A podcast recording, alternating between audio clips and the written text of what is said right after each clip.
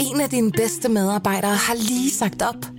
Heldigvis behøver du ikke være tankelæser for at undgå det i fremtiden. WinningTemp indsamler data gennem hyppige og anonyme medarbejderundersøgelser, så du lettere kan mærke pulsen på dine medarbejdere og støtte der, hvor der er behov. Kunder som Alfa Laval, Orkla og Volvo bruger allerede WinningTemp og ser, at det øger trivsel, reducerer turnover og hjælper med at fastholde talenter. Få gratis gennemgang allerede i dag på winningtemp.com.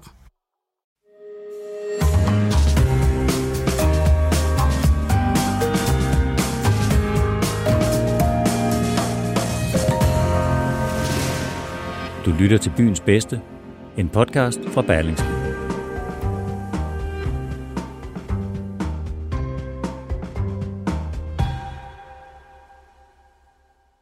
Hver uge i september afholder vi prisoverrækkelse til vinderne af Byens Bedste 2021 på toppen af Berlingske med udsigt over København. Her byder jeg, Aminata Amanda Kåre, velkommen til samtaler om kulturlivet og mini-interviews med de 15 vindere. Og så overrækker vi byens bedste prisen til vinderne af de forskellige kategorier. Arrangementerne klippes herefter sammen til den podcast, du nu skal lytte til. Rigtig god fornøjelse.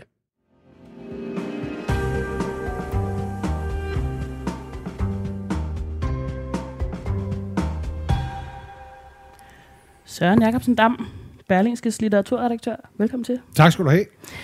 Søren, øh, autofiktion er jo en ret dominerende genre i litteratur. Kan du lige kort oprids for os, hvad det er?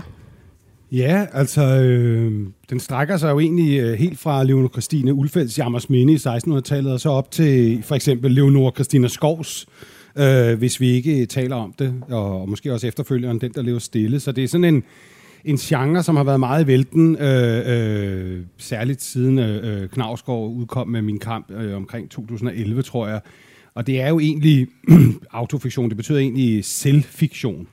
Øh, og det er jo sådan en genre, hvor at, øh, at det jeg, der fortæller bogen, også er forfatterens jeg. Øhm, og det har vi set utrolig meget af de sidste øh, sådan øh, 10, 10 år, ikke? Men, men ikke en helt ny genre, men den er pludselig blevet meget populær blandt for, forfatterne, og også blandt øh, læserne. Øh, og det er jo den her genre, som, som, som nogen vil kalde ekstremt øh, selvudleverende, hvor man... Øh, øh, sådan øh, i, i Knavsgaard, altså også med på toilettet, og øh, øh, hos Leonor Christine Skov også øh, får eksponeret alle, øh, alle de grimme familiehemmeligheder og, øh, og det, der er værre. Øh, men det, det, det er noget, der fylder meget, øh, og jeg har skrevet en klumme om det for nylig, fordi det er sådan en, jeg synes, det er en interessant ja, du er lidt, ting. Du er lidt sur på det. Ja, ja, sur sur, det er jo måske, måske en forsimpling, men, men lad os bare sige det, altså fordi, jeg synes i hvert fald, det er en, en genre, man skal diskutere, øh, øh, fordi den har en masse faldgrupper. Der er noget utrolig interessant ved at læse de her ting, og der er også en, en vigtig identifikation i at kunne læse om andre, og, og, og se, at andre har det også ligesom mig, andre har det svært som mig. Øh, det er der selvfølgelig et, et element i, og så er der et meget vigtigt, måske et af de vigtigste elementer ved, ved øh, litteraturen, og det er det der med, at man kan generere empati og lære at gå i andres sko. Og, og det kan man jo i den grad gøre i, i, i, i, i autofiktionen. Men der er jo også det der element af, at, at øh, altså en dobbelthed i det, at nu skriver jeg den her meget personlige tekst om mig selv, og jeg eksponerer alt mit sexliv og mine forbrydelser og overgreb, jeg er blevet udsat for, eller overgreb, jeg har begået, osv. osv., osv.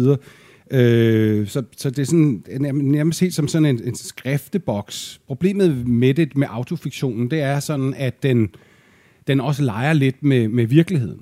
Altså, jeg, jeg skriver øh, om de her ting, men samtidig så mixer jeg måske også nogle elementer ind, som hvor jeg dramatiserer en samtale, jeg havde med nogen i anden klasse. Måske ikke helt Men er det ikke bare alt litteratur altid? Jo, men der er en vis foregivelse af, at her snakker vi en, en autobiografi, altså en, en selvskreven biografi om, om mig og mit liv.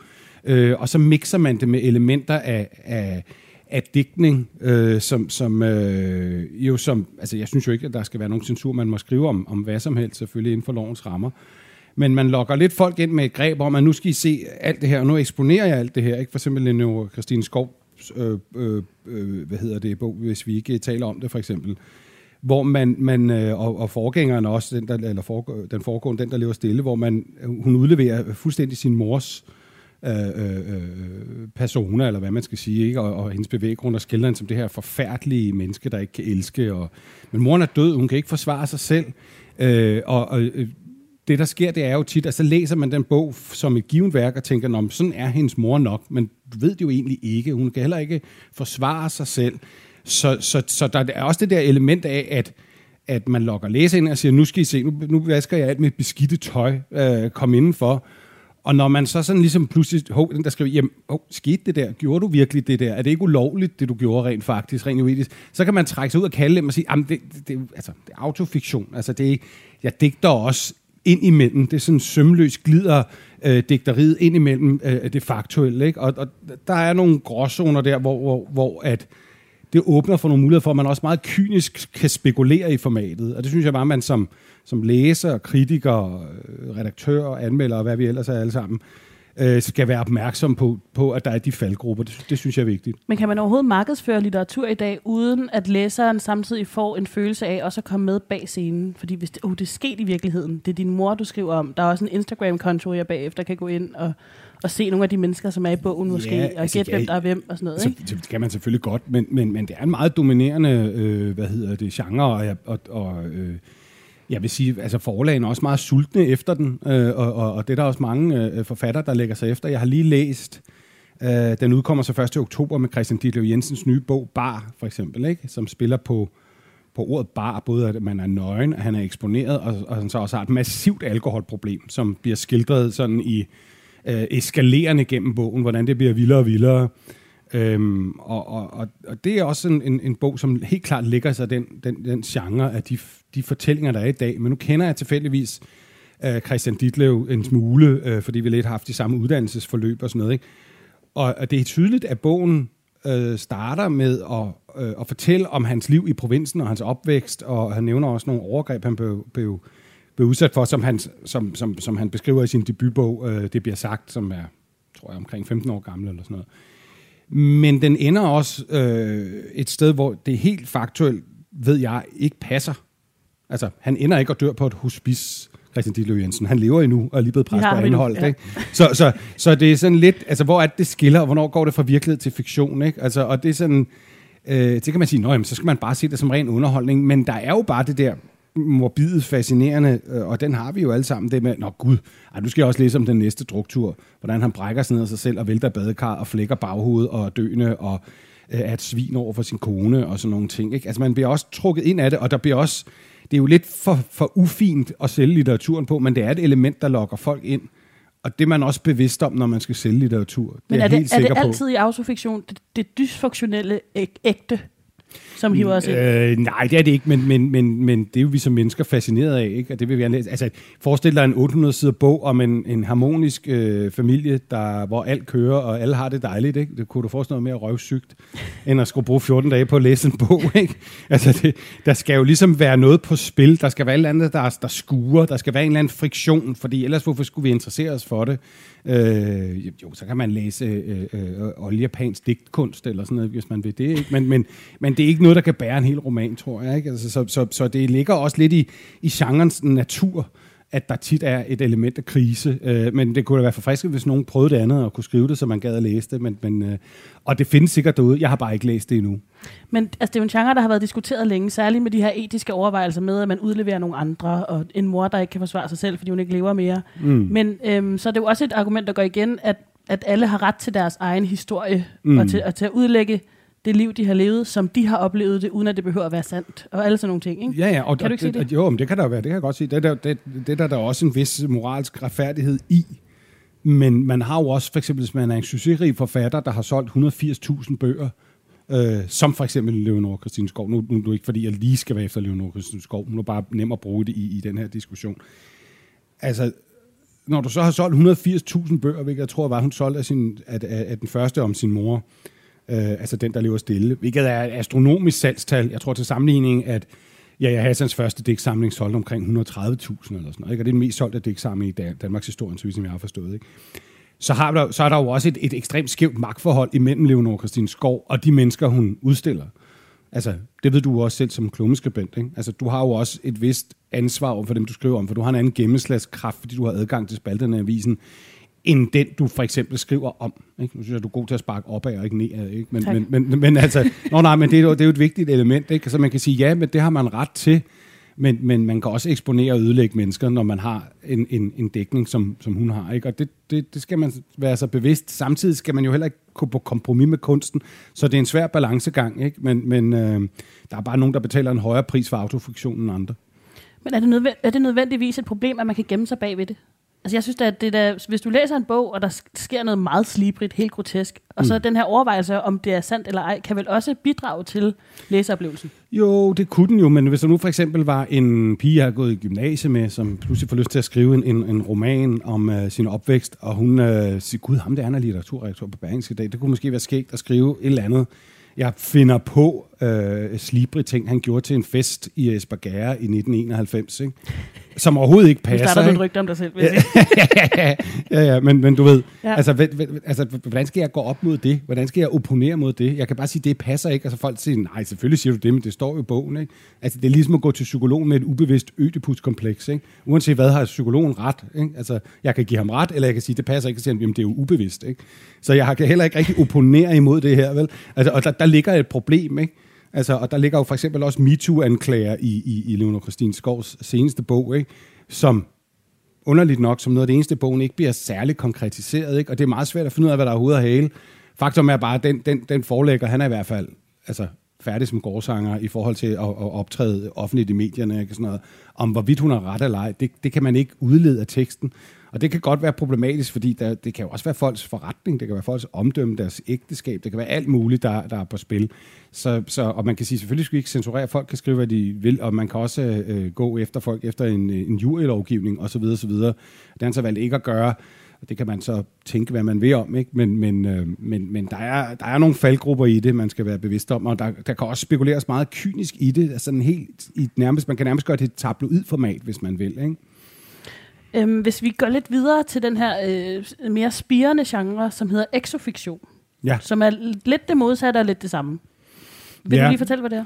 Jo, altså exofiktionen som... Altså, det, det, exo, det betyder jo græs, det betyder udenfor. Det betyder, at man kigger uden, uden, uden for sig selv, kan man sige, i stedet for ind mod sig selv. Og det er for eksempel sådan noget som, som øhm, Eva Tinds bog om mideforskeren Marie Hammer, altså den, der hed Kvinden, der samlede verden, eller en anden, øh, Lotte K. Andersens bog, Den inderste kerne om Inge Lehmann, som var en af de første, der opdagede, at jordkernen var fast. Og det er et specielt øh, øh format, hvor man tager en, jeg tror også Eva Tind skrev om Asta Nielsen også, hvor hun brugte det samme greb. Men der tager man jo en, en, en reel historisk person, i det her tilfælde øh, har det været kvinder, kommer jeg til, det er der også en grund til. Og så tager man en faktuel person af deres meritter, og så digter man videre. For eksempel øh, gør man sig tanker om, hvad egentlig tænker Eva Tind, eller undskyld, øh, Inge Lehmann, i samtaler med andre øh, øh, øh videnskabsmænd på den tid. Øh, man tillægger hende måske nogle... Øh, man tillægger måske, øh, man giver det noget drama, altså man, man, man opfinder måske en elsker eller et eller andet, og sætter ind i, i, i det her nisselandskab af virkelighed, ikke? Øh, og, og, og så, så, så, hvad hedder det, ryster man det hele lidt. Øh, og så kan man få en god historie ud af det. Og det er sådan en relativt ny, ny, ny måde at, at, at skrive på. Men det er også en, en øhm, der er også en slags, altså der er også noget, noget aktivisme i genren, altså hvor den også bliver brugt ligesom til at fokusere måske ikke på den primære person, men måske nogle gange på bipersonen. Altså for eksempel Jesper Wungsungs øh, nye bog handler ikke om maleren Hammershøj, men hans model, øh, hans kone, så vidt jeg husker, ikke? Altså, øh, øh, som har stået på model på mange billeder. Så handler bogen pludselig om hende, så man fjerner fokus for, for det, der man traditionelt er fokuseret på, og så tager man måske kvinden, eller slaven, eller øh, øh, det, det, den, det oversete geni, eller sådan noget, og så fokuserer man sin, sin energi det. Så er der også en Er det slags... derfor, det er kvinder? Ja, men det, har jo, altså, det, det giver jo mening, kan man sige, når man ser ned gennem historien, ikke? Og, og, og, og, og hvad kan man sige, der er den der aktivisme i, at, at for eksempel er videnskabskvinder som, som Inge Lehmann og Marie Hammer, det er der så nogen, der er uenige i, men, men, men øhm, i hvert fald er der, er der også nogen, der vil mene, at de har været overset Øh, fordi at, at man øh, i den tid, hvor de opererede og, og, og, og hvad hedder det, øh, udgav deres forskning, jamen der var, altså, der var simpelthen lukket for kvinder på nogle universiteter, og øh, der var mænd, der stjal deres forskningsresultater. Der skete alle mulige øh, uretfærdigheder. Så, så der ligger også et, sådan et revisionistisk syn i den der exofiktion, hvor man også ligesom prøver at, at, at zone og gøre noget godt igen, og, og, og fjerne øh, måske et, et uretfærdigt fokus til et mere retfærdigt fokus. Øh, Øh, så, det, så, så, så, så det er sådan en, en ny ting, der nok også kommer sådan lidt i forlængelse af, af identitets, det identitetspolitiske og, og, og øh, hele, hele feminisme-debatten og MeToo-sager og sådan noget. Ikke? Altså, der, der ligger den, den her genre sådan fint i slipstrøm af det, øh, øh, og bliver, den behøves egentlig ikke at være aktivistisk, men det bliver den brugt som for tiden. Øhm, men, men, øhm, og der er jo igen også, kan man sige, nogle, nogle problemer øh, ved den, men, men, men øh, det kan jo også være en måde at revitalisere øh, interessante mennesker på og gøre dem, hvad skal man sige, øh, interessant og populær for et bredere publikum. Man kender det jo også godt fra, fra tv og film, hvor der også står nogle gange, at man har dramatiseret øh, visse elementer. Baseret øh, på virkelige hændelser. Ja, sådan noget. Ikke? Altså, så det er lidt, lidt det, det der greb, man bruger i, i, øh, i exofiktionen. Så øh, det er jo sådan de to store nye dominerende genrer. Men bliver det så til omskrivning af historiebøgerne? Eller sker der i virkeligheden lidt det samme som med autofiktionen, at man fortæller en historie, og så hvis nogen kommer og siger, sådan var det ikke, så siger man, at noget af det fiktion. Ja, ja, men der er altid den der kattelem. Det er også derfor, ja, ja. Det, er en, det, er en, det er en belejlig genre at, at skrive i, ikke? Fordi man kan ligesom... Øh, altså, der, altså, der er jo selvfølgelig, man kan jo se det lidt, Jim Lyngvild brugt, har jo brugt grebet i sin vikingudstilling på Nationalmuseet, ikke? hvor han sådan selv digter lidt på, øh, øh, og gør de her vikinger lige en tand mere flamboyante, end de var, og øh, tillægger dem øh, nogle stilarter og noget. Altså det er ligesom, at man altid traditionelt giver vikinger horn på. Det havde de jo ikke, det ved alle i dag. Ikke? Men altså det kan man også sagt en slags ekstrofiktion på, på vikingefiguren. Ikke? Så vi kender det jo alle sammen fra, fra andre, hvad skal man sige, genrer og andre øh, områder inden for kulturen, at man bruger de der begreber øh, og tillægger ting noget ekstra for at gøre, gøre det ekstra spændende eller mere farverigt, eller man, det handler måske også om, at man digter videre, så gør man nogle personer eller nogle kulturer simpelthen federe, end de er. Ikke? Altså, eller der er en mytologi, som man egentlig godt kunne tænke sig var rigtig. Den er det måske ikke, men vi kan egentlig godt lide den. Altså, så vi holder ligesom fast i. Ikke? Altså, vi kan godt lide tanken om, at vikinger alle sammen var 91 og havde langt blondt hår. Ikke? Og så er nu undersøgt, de viser 71, og halvdelen af dem var mørkhåret. Det er jo dødssygt. Vi kan meget bedre lide den anden fortælling. Ikke? Selvom den måske i virkeligheden er sådan lidt Øh, øh, øh, altså er sådan lidt exofiktionsagtig, ikke? Altså, så, så Men det, kan man ikke sige, at alle fortællinger om historiske personer er exofiktion? For hvis du ser øh, en, biograf, en biografisk film for eksempel, så vil der jo unægteligt være samtaler i filmen, som ikke har fundet sted. Jo, men helt sikkert. Altså, det, det er jo meget almindeligt begreb i, eller anvendt greb i, i, uh, i film. Altså, der er man jo nødt til det. Den nye Margrethe, den første film. Altså, ja. der, øh, jeg ved ikke, hvor mange sætninger, man med historisk korrekthed kan tillægge Margrethe den første. Det er næppe særlig mange. Så selvfølgelig er der noget, noget, noget exofiktion i det, og man er jo også nødt til det nogle gange for at gøre tingene levende, ellers bliver alt meget sådan tørt og akademisk. Øh, så det er, jo, altså, det er jo også en fortællemæssig greb, som, som, som gør ting interessante, ikke? Men, men, øh, men man skal deklarere det meget tydeligt, ikke? Altså, og øh, øh, jeg er egentlig ikke så meget mod, mod genren, men det er da klart, hvis nogen skrev et, øh, exofiktionelt værk om øh, øh, min far for eksempel, og tillader ham nogle helt groteske øh, øh, hvad hedder det, politiske holdninger eller egenskaber, eller andet, som jeg ikke vidste var rigtigt. Det vil jeg jo ikke bryde mig om personligt, vel? Altså, men, men, øh, men, men det er klart, øh, det gør tingene mere levende, og det skal kunsten jo også gøre, det skal litteraturen jo også gøre, det skal også få, få de her personer øh, på papiret til at leve og ånde foran os, ikke? og, og det, det, det, er nogle af de, det er en af de metoder, man bruger. Lige her til sidst, så øh, tidligere i dag, da vi snakkede som optag til det her, der mm. nævnte du den korte radioavis. Ja. Øhm, som jeg ikke havde tænkt over, jo også var exofiktion. Vil du ikke prøve at, der sagde du noget klogt på det igen? Ja, det ved jeg nu ikke, men det jeg sagde var i hvert fald, nej, men, men de brugte jo meget begrebet, fordi, og der kan man se, at exofiktionen bliver jo også brugt i satiren som en måde på ligesom at circumvente eller gå udenom hele det her spinapparat, som politikere har lagt ind imellem for eksempel pressen og Christiansborg altså med spindoktorer og forskellige nye love, hvor man lukker ned og sådan noget. Øh, og der, der, der, der ved man jo nogle gange som journalist nogle ting, men man kan ikke rigtig sige dem, fordi de vil ikke kommentere på enkeltsager eller et eller andet. Og der gjorde den korte radiovis det, at de ligesom lavede autofiktion på virkeligheden, ikke? og så fortalte man nogle ting om Morten Messerschmidt, eller Henrik Sass, eller Pelle Føjt, eller sådan et eller andet, som var rigtigt nok, og så indimellem, så lagde man også nogle, nogle, nogle åbenlyse løgne, og så nogle gange så fortalte man også noget, man vidste var rigtigt, men ikke var bekræftet. Så man brugte det også som sådan en slags måde ligesom at meddele til befolkningen af, hvad der egentlig foregår på Christiansborg. Men man gjorde det under dække af satire, øh, fordi at der er rigtig mange historier, der ligesom strander på hele det her spinapparat. Ikke? Og der brugte man faktisk sådan et exofiktionsagtigt greb i den korte radiovis, for ligesom at få de her historier ud. Ikke? Så folk ikke rigtig vidste, hvad der var fiktion og hvad der var fakta. Ikke? Øh, det fik jo også, øh, mildt sagt, mange magtfulde mennesker ekstremt op i røde felt, og måske også den primære årsag til, at den radio er lukket i dag. Ikke? Men, men øh, det var meget magtfuldt i, i forhold til magten, men øh, nogen vil også sige ekstremt moralsk anløbende. Ikke? Øh, men det, det er jo en anden diskussion. Søren Jacobsen Dam, Berlingskes litteraturredaktør. Tusind tak, fordi du kom.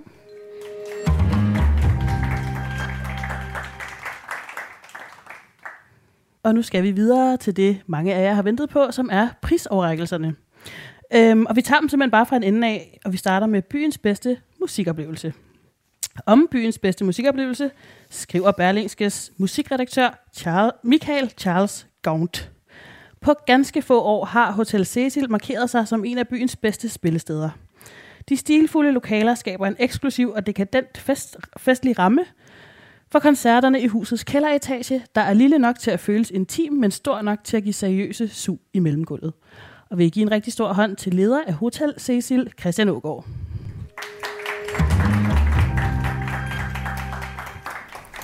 Tillykke med prisen. Tak. Øhm, for folk, der aldrig har været på Hotel Cecil, hvad er det så, I kan?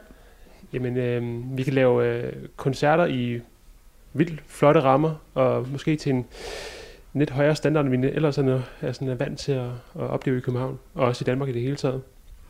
Coronanedlukninger og aflysninger må også have ramt jer lidt. Er I ved at være tilbage på benene? Absolut. Er vi jo helt tilbage. I altså, ingen øh, restriktioner længere, og nu kan vi også øh, åbne vores natklub. Og... Så vi er helt tilbage. Fantastisk. Vi glæder os rigtig meget til resten af sæsonen. Det glæder vi os også til. Stort tillykke igen. Tusind tak. Og nu skal vi videre til byens bedste bar. Om den skriver Berlingskes gastronomiredaktør Søren Frank. Alt kan lade sig gøre på Barpoldo, der udmærker sig ved en meget urban, popagtig stemning, hvor et blandet klientel af tophuebærende hipsters og professionelle i jakkesæt mødes efter arbejde og tager et glas eller to i baren. For uden imødekommende værter og fremragende service har Barpoldo et glimrende køkken. Vi giver en rigtig stor hånd til Benjamin Berg Hartz fra Barpoldo.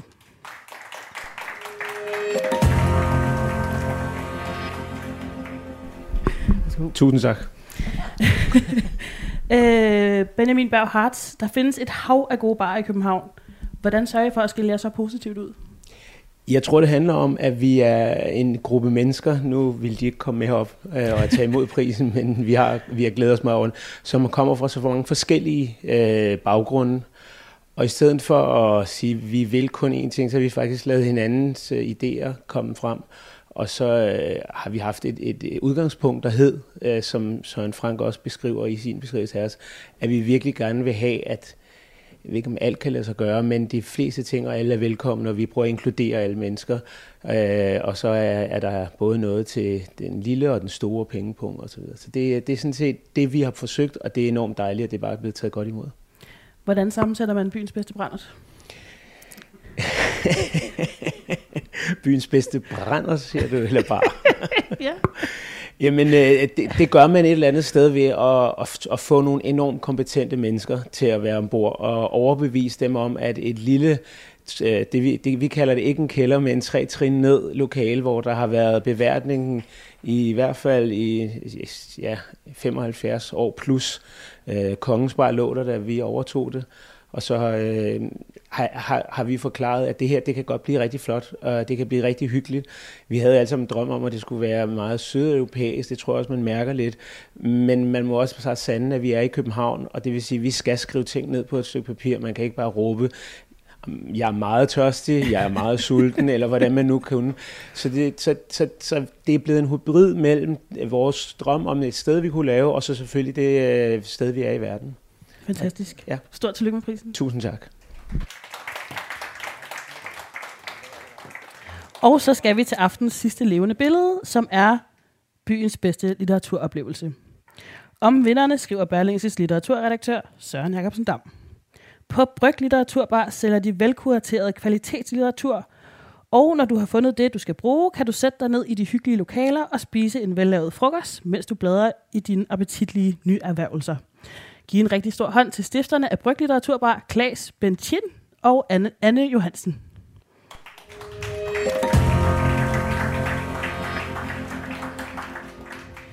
Øh, Anna Johansen, vi lever i en verden, hvor der er Kindles og e-bøger og lydbøger. Hvad er det, der lokker folk ind i jeres øh, bogbutik? Jeg tror, at folk har brug for et, øh, supplement eller et alternativ til vores digitale verden. Øh, noget, der føles analogt, og noget, der er virkeligt og sanseligt, noget man kan røre ved. Øh, og det har vi forsøgt at kombinere i Bryg, med, ja, hvor vi appellerer til flere sanser. I ligger jo et stenkast både fra en anden bogcafé og fra øh, hovedbiblioteket. Og alligevel så er det ligesom lykkedes jer at banke det her litteraturhus op. Øhm, hvad tror I, der gør, at jeres besøgende vælger lige jer? Jamen, igen tror jeg, at vi har, øh, vi har øh, forsøgt at skabe noget, som var ja, et litterært åndehul, som måske kan tilbyde noget andet, end det de andre gør, øh, hvor vi har fokus på kvalitet øh, og æstetik, og, og, og det, at altså, folk skal komme og få en, en god oplevelse og, og føle sig inkluderet i det, vi laver. Så, så hvad det er, der er specielt, det, øh, ja, måske er det også, fordi vi, ja, det ved jeg ikke, at vi er et lille intimt sted, og, og og føler, eller ja, det ved jeg ikke. Hvad, hvad er det, vi har gjort? Jo, men det er jo også, det er jo også kombinationen af det, Ja, vi gør. Ikke? Altså, Ja, vi, har, egentlig, ja. vi har jo forfatterarrangementer, man kan spise der, som øh, vi har hørt lige før, ikke? og så har vi det, det gode udvalg af bøger. Så de tre ting til sammen er vi jo faktisk enige om at have, øh, selvom vi kun ligger i stenkast fra den ene og den anden. Så Ja. vi, jo- vi adskiller os jo helt, øh, sådan helt basalt faktisk. Ikke? I skal i hvert fald have stort tillykke igen. Giv dem en rigtig stor hånd. Tak.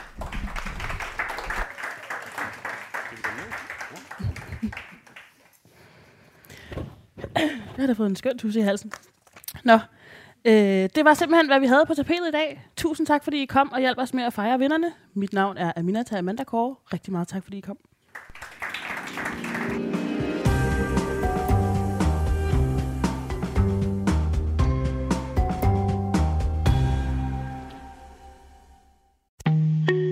En af dine bedste medarbejdere har lige sagt op. Heldigvis behøver du ikke være tankelæser for at undgå det i fremtiden. WinningTemp indsamler data gennem hyppige og anonyme medarbejderundersøgelser, så du lettere kan mærke pulsen på dine medarbejdere og støtte der, hvor der er behov. Kunder som Alfa Laval, Orkla og Volvo bruger allerede WinningTemp og ser, at det øger trivsel, reducerer turnover og hjælper med at fastholde talenter.